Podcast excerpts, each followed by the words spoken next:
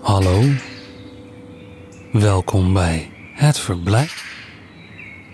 Dag 161. Vandaag. Johan de Koning leest Mijn Zoontje.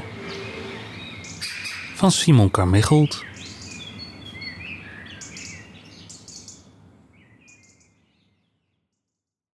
Mijn zoontje wil de sneeuw bewaren en vlinders op zijn petje dragen. Aan mij komt hij gewillig vragen hoe hij zijn dartelschip moet varen. Vertrouwen glinstert in zijn oog en maakt mij wel eens moedeloos.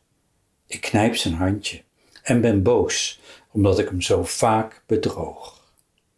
Ik weet dat eens het uur zal komen dat hij mijn ganse onmacht kent en hoogstens glimlacht om de vent die heldje speelde in zijn dromen.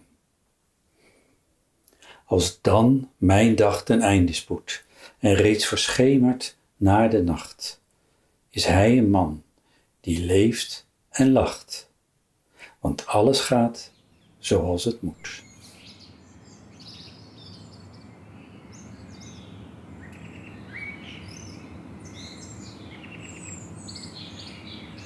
Het Ver is een initiatief van Mark van Oostendorp.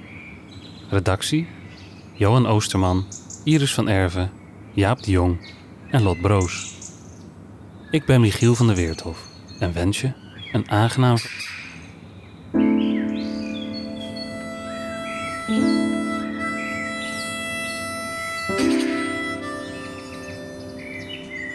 Tot morgen.